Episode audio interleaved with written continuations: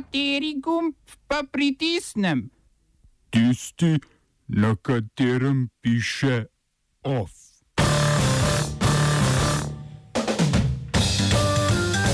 Španski premijer.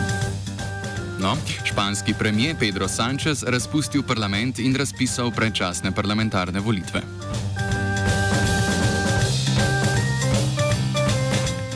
Senat in Kongres Združenih držav Amerike potrdila predlog proračuna.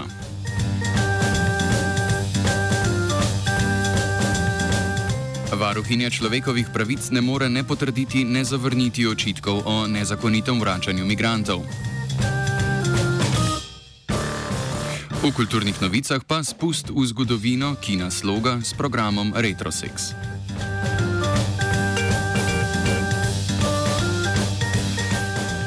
Španski premijer Pedro Sánchez je razpustil parlament in za 28. april sklical predčasne parlamentarne volitve.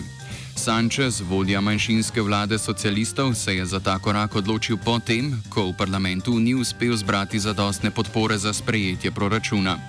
To bodo tretje predčasne volitve v Španiji v zadnjih štirih letih.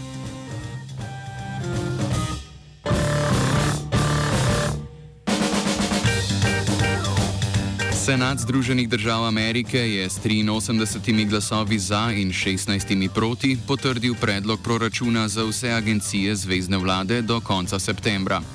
Kasneje mu je s 300 glasovi za in 128 proti sledil še predstavniški dom ameriškega kongresa.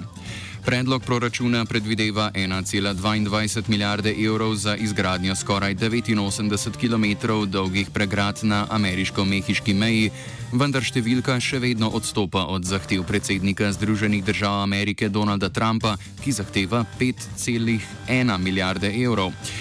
Ker mu kongres, ki je v skladu z ustavo dogovorjen za razporejanje javnega denarja, ni odobril zaželenih sredstev, Trump decembra lani ni hotel podpisati proračunskega zakona. To je sprožilo zaustavitev dela vlade, ki je trajala rekordnih 35 dni.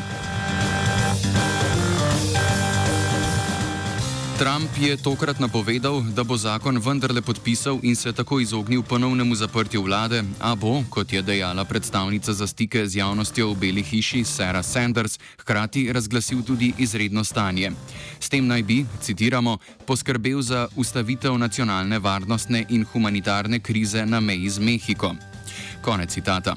Z razglasitvijo izrednega stanja Trump ne bo le reševal kriznega žarišča, temveč bo lahko proračunska sredstva preusmeril za izgradnjo obljubljenega zidu. Demokrati v predstavniškem domu uvedbi izrednega stanja nasprotujejo, saj menijo, da bi Trump s tem zlorabil svoja pooblastila.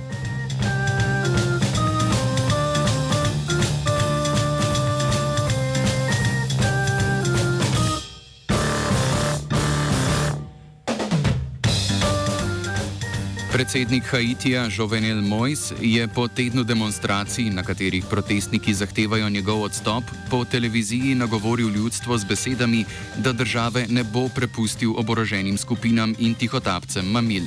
Haitici so ulice zauzeli zaradi visoke inflacije in očitkov predsedniku o kraji denarja za humanitarno pomoč, ki je bila namenjena za obnovo po potresu leta 2010. Izginilo naj bi tudi za 2 milijardi dolarjev nafte, ki jo je tej karibski državi poslala Venezuela. Jovenel Mojs, nekdani poslovnež, ki so mu zaradi ukvarjanja s kmetijstvom nadelil zdevek Banana Man, je sicer politični novinec, ki je zmagal na predsedniških volitvah leta 2016. Nasledil je svojega političnega mentorja Mišela Martelija, sicer nekdanjega pevca, ki je nastopal pod umetniškim imenom Sweet Mickey.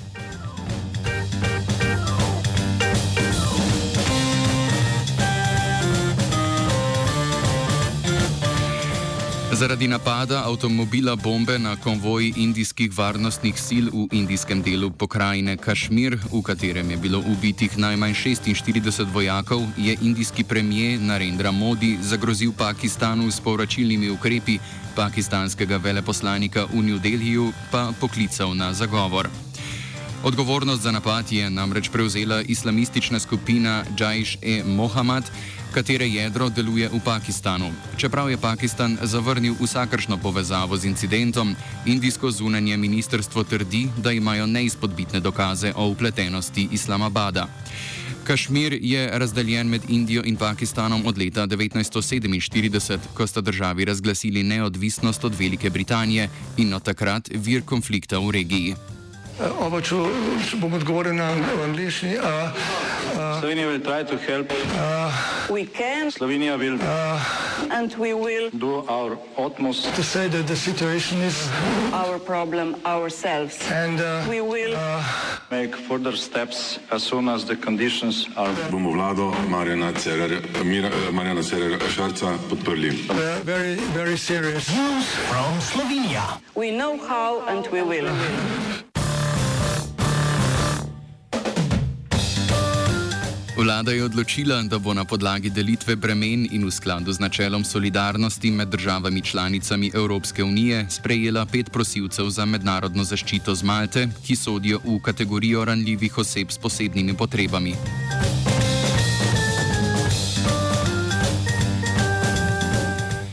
Medtem je na tiskovni konferenci varuhinja človekovih pravic Vlasta Nussdorfer predstavila izsledke nadzora o ravnanju policistov na južni meji s Hrvaško. Očitkov o policijskem zavračanju beguncev in izganjanju le teh nazaj na Hrvaško brez omogočanja azilnega postopka, torej o tako imenovanih pushbackih, ni mogla ne potrditi, ne zavrniti.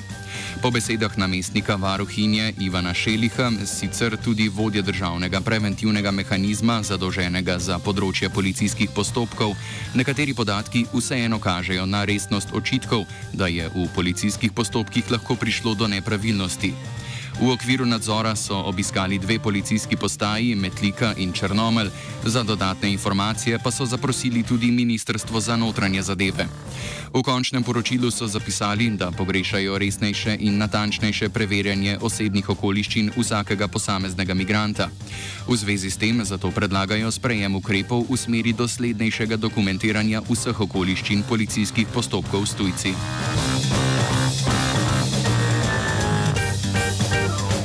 Na tiskovni konferenci je varuhinja obelodanila še, da je na ustavno sodišče vložila pobudo za oceno ustavnosti uredbe o mejnih vrednostnih oziroma ja, vrednostih hrupa v okolju. Uredbo je lansko leto sprejela prejšnja vlada Mira Cerarja v času, ko je opravljala le še takoče posle. Namestnica varuhinje Kornelija Marzel je opozorila, da po mnenju varuhinje uredba krši načelo pravne države, skladnost s splošnimi načeli mednarodnega prava, načelo enakosti pred zakonom, pravico do zdravega življenjskega okolja in usklajenost z drugimi pravnimi akti, konkretno z zakonom o varstvu okolja. Prav tako naj uredba ne bi bila usklajena z Evropsko direktivo, kakor trdi Ministrstvo za okolje, temveč ravno obratno.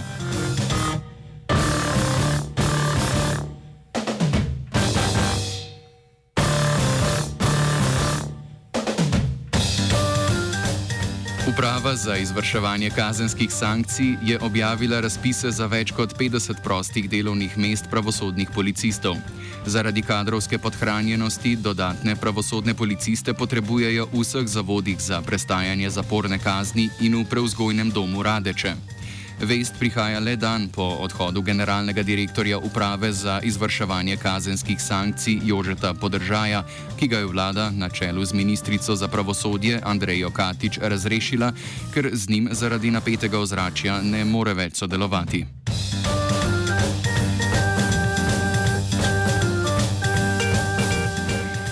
Evropska investicija. Eh, investicijska banka je projekt izgradnje drugega železniškega tira Divača Koper na svoji spletni strani uvrstila na seznam v bodoče financiranih projektov.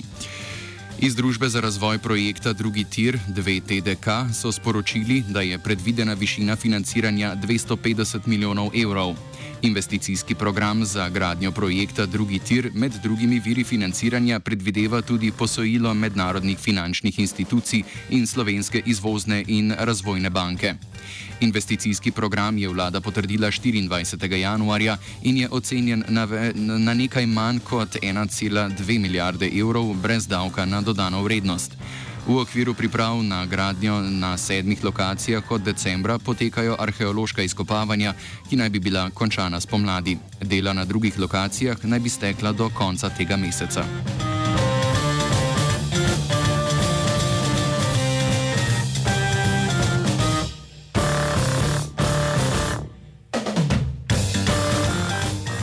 Družbeniki javnega holdinga Ljubljana so na skupščini podali soglasje za pripojitev podjetja Snaga k podjetju Vodovod Kanalizacija. Nova družba se bo tako sedaj imenovala Javno podjetje Vodovod Kanalizacija Snaga, krajše JP Voka Snaga.